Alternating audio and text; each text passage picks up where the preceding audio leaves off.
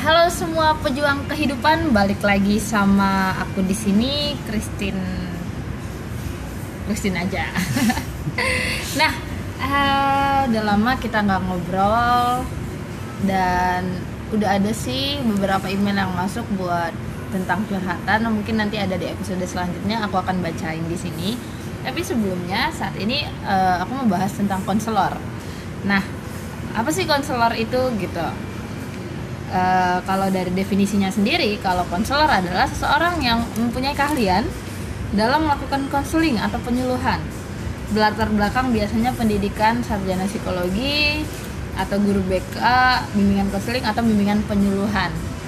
Nah, kalau di psikologi sendiri ya, kalau di universitas biasanya yang ngambil jurusan psikologi itu anak yang udah ngambil mata kuliah konseling itu biasanya anak-anak yang boleh konselor sudah boleh menjadi konselor. Nah konselor itu gimana sih? Konselor itu adalah kalau kita bilangnya kayak tong sampah mungkin ya tempat pe, tempat meluapkan emosi sama orang konselor tersebut gitu. Jadi sebenarnya kalau podcast ini juga boleh kita bilang sebagai bagian konselor dan aku sendiri juga bisa kan dari segi pendidikan aku sudah melalui yang namanya mata kuliah konsel konseling. Jadi makanya aku menerima gitu menerima email kalian itu karena kapasitasku sendiri sudah menurutku juga sudah memadai gitu istilahnya. Nah se sekarang juga aku nggak sendirian. Saat ini ada temen aku yang profesinya juga pernah pengalamannya sebagai konselor kita akan berbicara seputar konselor semuanya oke langsung kita kenalin aja halo siapa namanya bolehlah perkenalan oke berarti ini udah bisa muncul ya boleh oke halo semuanya pendengar pejuang. apa pejuang kehidupan iya. Uh, yang punya siapa sih namanya Kak Kristin ya? Iya, Kristin aja. oh, Kristin aja. Oke. Okay. halo, halo, halo. Hmm, perlu memperkenalkan diri nggak nih? Boleh nanti oh, wajib. Oh gitu. Nanti kalau terkenal gimana nih? Emang wajib terkenal? Oh kalau wajib terkenal gitu ya. Eh btw ini kayaknya baru pertama kali aku ke sini ya? Betul. Iya benar. Uh, oke. Okay. bahagia sekali. Aduh. Terharu dia guys. Mendapat kehormatan datang ke ruang pejuang kehidupan. Wah benar-benar berasa gimana? Ada kebanggaan tersendiri? Ada kebang kebanggaan sendiri ya. Eh, oke. okay. ayo perkenalan. Oh, iya. malu-malu. Maaf kak. Maksudnya oh, iya. emang malu-malu. Oke. Okay. uh, eh, hai perkenalkan untuk pen para pendengar pejuang kehidupan saya nama asli atau nama ini gak sih? Terserah nama yang pengen kamu kenalin aja. Oke okay. nggak gini. Uh, perkenalkan nama gue nama gue nggak apa-apa sih nama gue. Nama gue Ihsan atau uh, kalau kalian mau cari-cari lihat-lihat nama gue sebenarnya apa minta di IG ha, sekaligus pansos ya. nanti kita lisin nah. pansos. Nah, di sini sekaligus ini kak profil atau gimana?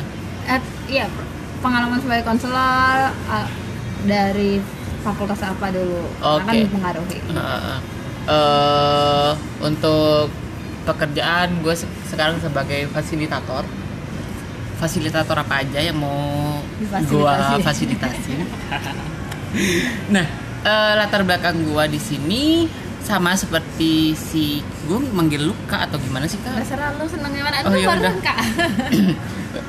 sama seperti kak Christine, uh, latar belakang gue di S1 psikologi tapi beda kota kita masih-masih waktu Indonesia bagian barat kalau si kak Christine ini uh, jauh di ujung barat sana di Medan tapi kalau gue udah mau mendekati waktu Indonesia bagian tengah di Malang nih jadi memang uh, intinya gue latar belakang gue adalah S1 psikologi Universitas Negeri Malang Yeay. Oke. okay. Banyak orang yang meng, uh, yang kenal itu kalau ditanya uh, Universitas Negeri Malang apa tuh UM? Kalau nggak uni, uh, Universitas Muhammadiyah Malang atau nggak nggak ada yang tahu nih UM itu apa gitu. Oh iya. Taunya kalau gue nyebutin psikologi UM, oh Universitas Muhammadiyah Malang, kan gitu. Universitas Negeri Malang, oh IKIP Malang.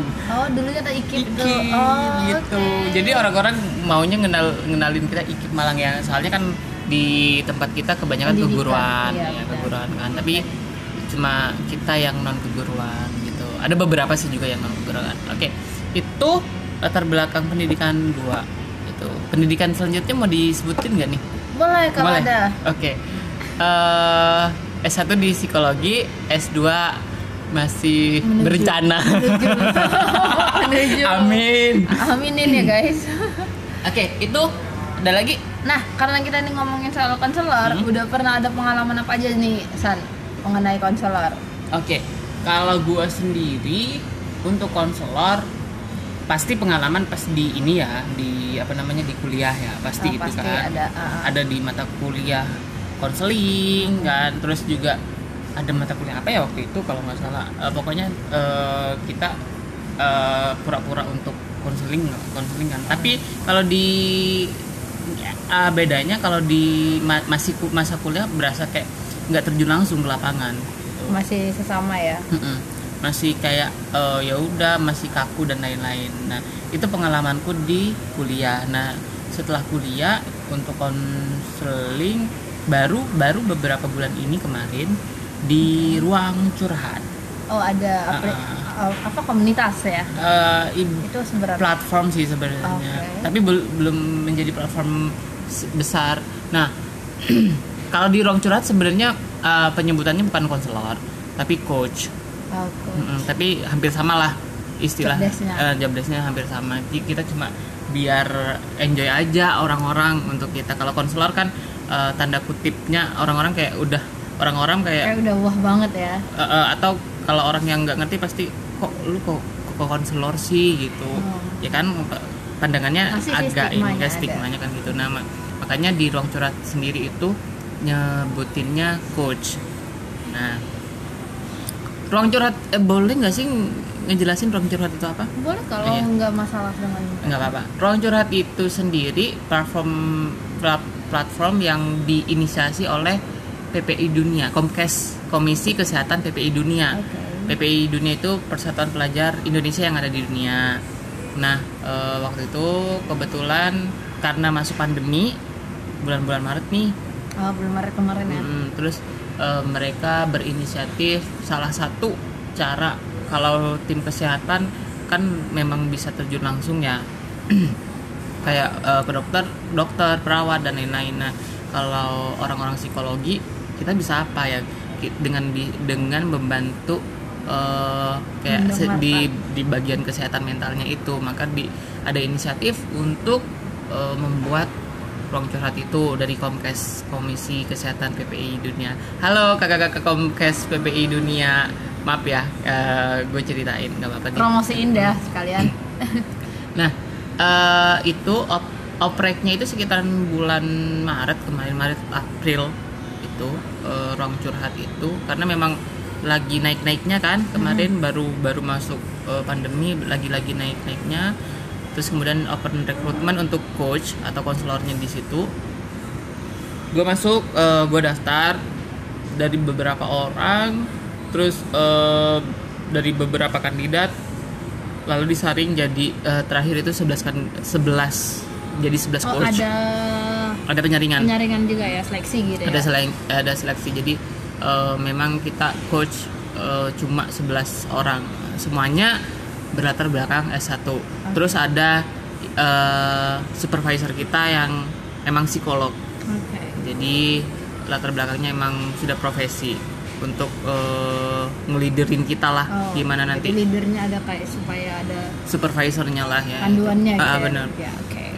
itu eh, itu sih pengalaman gua jadi di ruang curhat itu dari bulan April kalau nggak salah langsung start di bulan April eh, finishnya di bulan Juli kemarin Juli, April, Mei, Juni, Juli tiga bulan. Mei Juni ya? Juli ya iya Tiga Mei. Juni Juli benar jadi itu dibagi jadi tiga batch jadi per per ses eh istilahnya kan sudah nih hmm, buka bu- udah ada coachnya nih udah ada konselornya nah baru kita buka untuk eh, pendaftaran coachi atau yang mau kon mau curhat ataupun apa ke kita itu. Nah dibagi tiga batch itu. Per batch itu ada sekitar 30 sampai 35 jadi 35 orang. Heeh. orang maksudnya konselornya? Enggak kok yang mau konseling. jadi dibatasi juga orang yang iya konseling. Tiga tiga lima tiga lima. Karena kita terbatas kan cuma 11 orang. Oh iya. jadi kita pegang ada yang pegang dua orang ada yang pegang tiga orang. Per batch artinya maksudnya itu per hari atau hitungannya gimana? Enggak. batch itu gimana? Batch it satu batch itu eh, sekitaran satu bulan. Oh oke. nah eh, sesinya adalah satu batch itu sesinya dibagi dua sesi. Sesi pertama sama sesi kedua. Itu maksud sesi pertama dari segi jam atau gimana? Eh, enggak. Sesi pertama itu kan mereka kita punya waktu dua minggu. Sesi pertama itu dua minggu. Oh. nah kalau eh, diberi kesempatan untuk konseling ataupun curhat di eh, ke kita orang-orang itu untuk eh, sesi coaching atau sesi curhat itu untuk di sesi pertama oke nah eh kalau dirasa masih belum cukup baru dilanjutkan di sesi kedua oh dengan orang yang sama Oh, dengan orang yang sama. Nah, ka- karena di sesi yang pertama ini dibatasi eh, 60 menit sampai 90 menit. Karena keterbatasan SDM juga kan. Eh, itu. Nah, kenapa kita eh, kasih jarak eh, dua minggu? Sesi pertama ke sesi kedua itu ad- ada rentang waktu dua minggu. oh kenapa Kenapa? Karena eh, kita ngelihatnya di situ permasalahan. eh, setelah sesi pertama kita coba untuk mereka probing mereka untuk mencari lagi bagaimana setelah curhat ya setelah dan lain-lain eh, kita coba untuk probing dan arahkan mereka dari mereka sendiri curhat mereka untuk menemukan masalah mereka. Nah dalam waktu dua minggu itu kira-kira ber- mereka berhasil untuk uh, memecahkan masalah mereka nggak? Gitu. Baru kita ke kita lihat evaluasinya di sesi kedua. Gitu. kalau misalnya di sesi 2 dia tidak juga menemukan solusinya apakah dia bisa mengikuti batch kedua atau gimana? Hmm, kita terbatas sih. Jadi diusahakan base 1, base 2, base 3 itu emang beda-beda orang. Beda-beda orang. Nah kalau memang belum ada belum ada apa ya pemecahan masalah problem solving kan udah tingkatnya itu eh, tingkat tingkat agak agak tinggi ya masalahnya. Nah oke sorry gua gua tadi nggak ngejelasin rate rate nya mereka yang boleh curhat gitu. Yang boleh mereka boleh masuk boleh curhat boleh eh, konseling eh, yang dengan permasalahan eh, masih levelnya masih low gitu masih level-level biasa lah Oke, terus cara kita ingin curhatnya gimana? Kenapa sampai kita ada level-levelnya? Kita taunya kita di level mana gitu kan? Kadang kan kita sebagai orang curhat nggak ngerti kita Hmm. Oke. ada level mana. jadi eh, ketika op- op- ada open recruitment juga buat yang mau konseling Oh gitu. Uh, uh, ada open recruitment juga buat yang uh, mau coaching di sini. Nah, mereka kan mereka ada formulirnya. Nah, ketika mereka mengisi formulir, mereka menuliskan secara garis besar dulu masalahnya apa. Masalahnya, oh, oke. Nah, terus dibagi ada low, middle, high gitu. Nah, yang high biasanya dipegang oleh eh, yang profesi ini eh, leader leader kita gitu. Oke. Biasanya rata-rata gitu. Nah, tapi kalau yang low sama middle dipe- dipegang kita. Terus kemudian kalau memang yang middle kebanyakan yang middle yang belum mendapatkan problem solving, akhirnya kita arahkan ke psikolog Oh, oke. ya karena karena kita kan nggak punya hak Bukan untuk lagi, itu iya. kita punya hak untuk konseling doang gitu kalau me- kalau udah bebannya udah berat kan itu ranahnya ke psikolog ya oh ya te- teman-teman mungkin ada yang bingung psikolog sama sarjana psikolog psikologi itu apa udah pernah dijelasin nggak di sini di podcast ini Gue pernah jelasin tentang psiko, bedanya psikolog, psikiater. Oh gitu. Tapi kalau psikolog sama sarjana psikologi itu kita yang baru S1 itu baru sarjana psikologi, baru boleh konseling doang.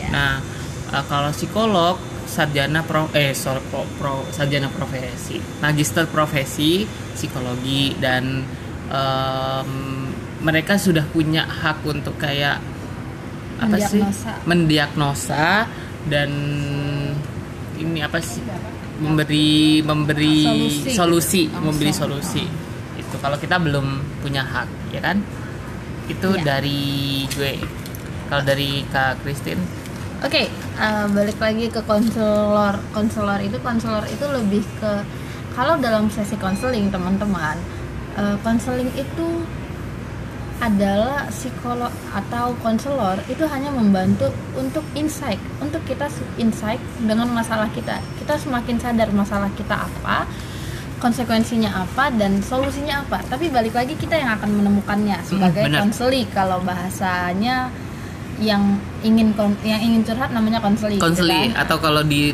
tempat gue tadi eh, yang ngonselingin itu coach, yang mau curhat itu coachy. Koci. Hmm. Nah, jadi teman-teman eh, kalau kita mikir kan kok gitu doang gitu, tapi kadang kita butuh orang lain untuk menyadarkan masalah kita apa nih sekarang. Gitu. Oke, Eh, itu untuk konselor. Nah, hari ini aku pengen kita ngobrol tentang konselor dulu semuanya, Hmm. tentang gimana sih konseling itu, apa sih konseling itu gitu. Nah, kalau dari segi gue pengalaman gue sendiri, pengalaman aku sendiri itu ada ikut komunitas juga itu mulai bulan berapa ya sekitar enam bulan kalau nggak salah lupa Oh lumayan ya, lumayan lama enam bulan sampai bulan 2 terakhir berarti itu bulan berapa tuh ya bulan-bulan bulan tujuh dong kemarin. ah, bulan 7 bulan 8 gitu dah Hmm. Nah dari situ itu ikut namanya komunitas Alpas. Kalau mau lihat di IG ada itu alpas.id nah kalau di sana sistemnya kita bisa curhat gratis. Jadi mbak kalau kalian mau curhat gitu kan kan biasanya kita bisa ngeluarin isi unek unek-unek kita itu sama orang nggak kita kenal. Kebanyakan orang kan begitu. Nah di alpas ini boleh via line. Jadi kita pakai line nanti kita masuk ke login. Itu biasa kalau belum berubah ya karena gue udah selesai kalau belum berubah dia itu masanya dari jam 9 pagi sampai jam 9 malam Oh, jadi, ada sesinya. Ada sesinya. Nah dia boleh lain di situ nanti akan ada konselor yang mm, nyapa, Hmm. gitu kan. Terus apa masalahnya dia juga kasih tahu dan boleh curhat di situ via chat doang. Gitu. Oke dan tenang lah gitu. Anak psikolog itu semua di situ adalah anak psikologi dan minimal semester 6 semester di mana udah pernah mata kuliah konseling. Dan kita tetap ada kode etik. Anak psikologi itu punya kode etik sendiri salah satunya informed consent. Ya benar. ya kan? Uh, ada kode uh, kode etik seperti itu, inform consent. itu artinya rahasia tetap kita Ah, jaga. benar. jadi selama kalau kita kalian mau ngomong apa aja kita tetap rahasia kok. Sama kita kesimpan nggak akan pernah ada cerita keluar. Bahkan ke pacar pun nggak akan kita ceritain gitu istilahnya. Eh bener-bener inform consent gitu. Nah jadi di situ enaknya kita ngechat dan bebas mau kapan aja dia ngechat. Tapi ya balik lagi kita kan sebagai konselor juga punya shift-shiftnya. Mm-mm. jadi satu hari itu 4 jam. Oh gitu. jadi beda-beda kan ganti-gantian. Dan satu minggu itu kami cuma dapat tiga hari Oh, jatahnya gitu. Jadi memang kalau ka- mau curhat sama orang yang sama memang harus ditunggu jadwalnya. Kalau memang beda nggak apa-apa lanjut terus curhatnya gitu. Jadi itu sangat ngebantu gitu kan. Kalau dari Isan sendiri gimana? Ngebantu menurut Isan konselor itu konseling itu kita masih ngomongin konseling nih Hmm. bukan belum pengalaman sebagai konselornya. Tapi konselingnya sendiri ngebantu nggak sih buat orang-orang untuk curhat? Atau sebenarnya nggak juga gitu? Atau gimana menurut Isan sendiri tentang komunitas-komunitas seperti ini gitu? Kalau gue ya, eh, menurut gue sendiri, eh, awal sebelum masuk secara resmi ke komunitas kayak gitu, menurut gue ya oke mungkin akan terbantu meskipun dikit gitu, meskipun dikit gitu. Tapi ternyata ketika gue terjun langsung ke mereka, mereka mm, apa namanya ketika mereka memberikan feedback. Mereka memberikan feedback oh sangat membantu bukan hanya sedikit membantu tapi sangat membantu sekali. Karena kebanyakan orang itu bu- eh, ternyata hanya hanya mau didengarkan saja gitu. Betul. mencari tempat untuk mendengarkan keluh kesah mereka.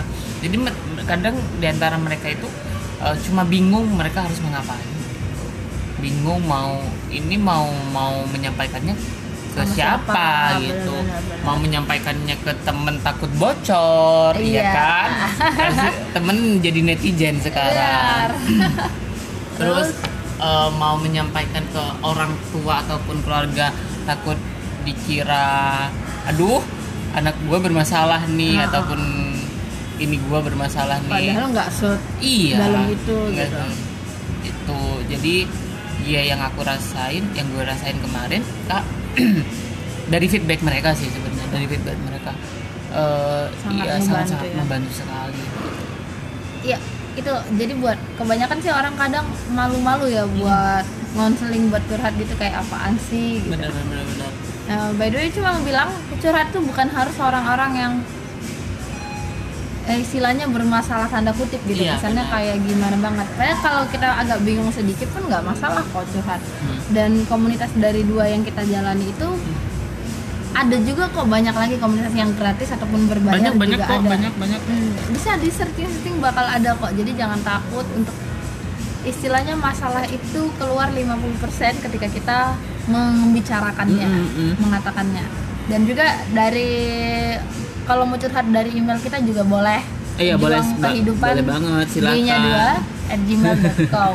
boleh banget silahkan yang mau curhat ke pejuang kehidupan Oke, nah itu dulu untuk yang bicara soal konselor. Hmm. Jadi kita mau tahu nih eh, konseling itu gimana. Jadi jadi buat teman-teman jangan takut untuk konseling, Mm-mm. jangan takut untuk men- menyura- menyuarakan isi hati. Hmm. Itu sangat penting untuk jaga kehidupan. sangat penting sekali mencintai eh, diri kalian sendiri kayak eh, kesehatan mental itu utama loh gitu penting sekali loh gitu eh, karena memang fondasinya kalian eh, itu adalah mental kalian Betul.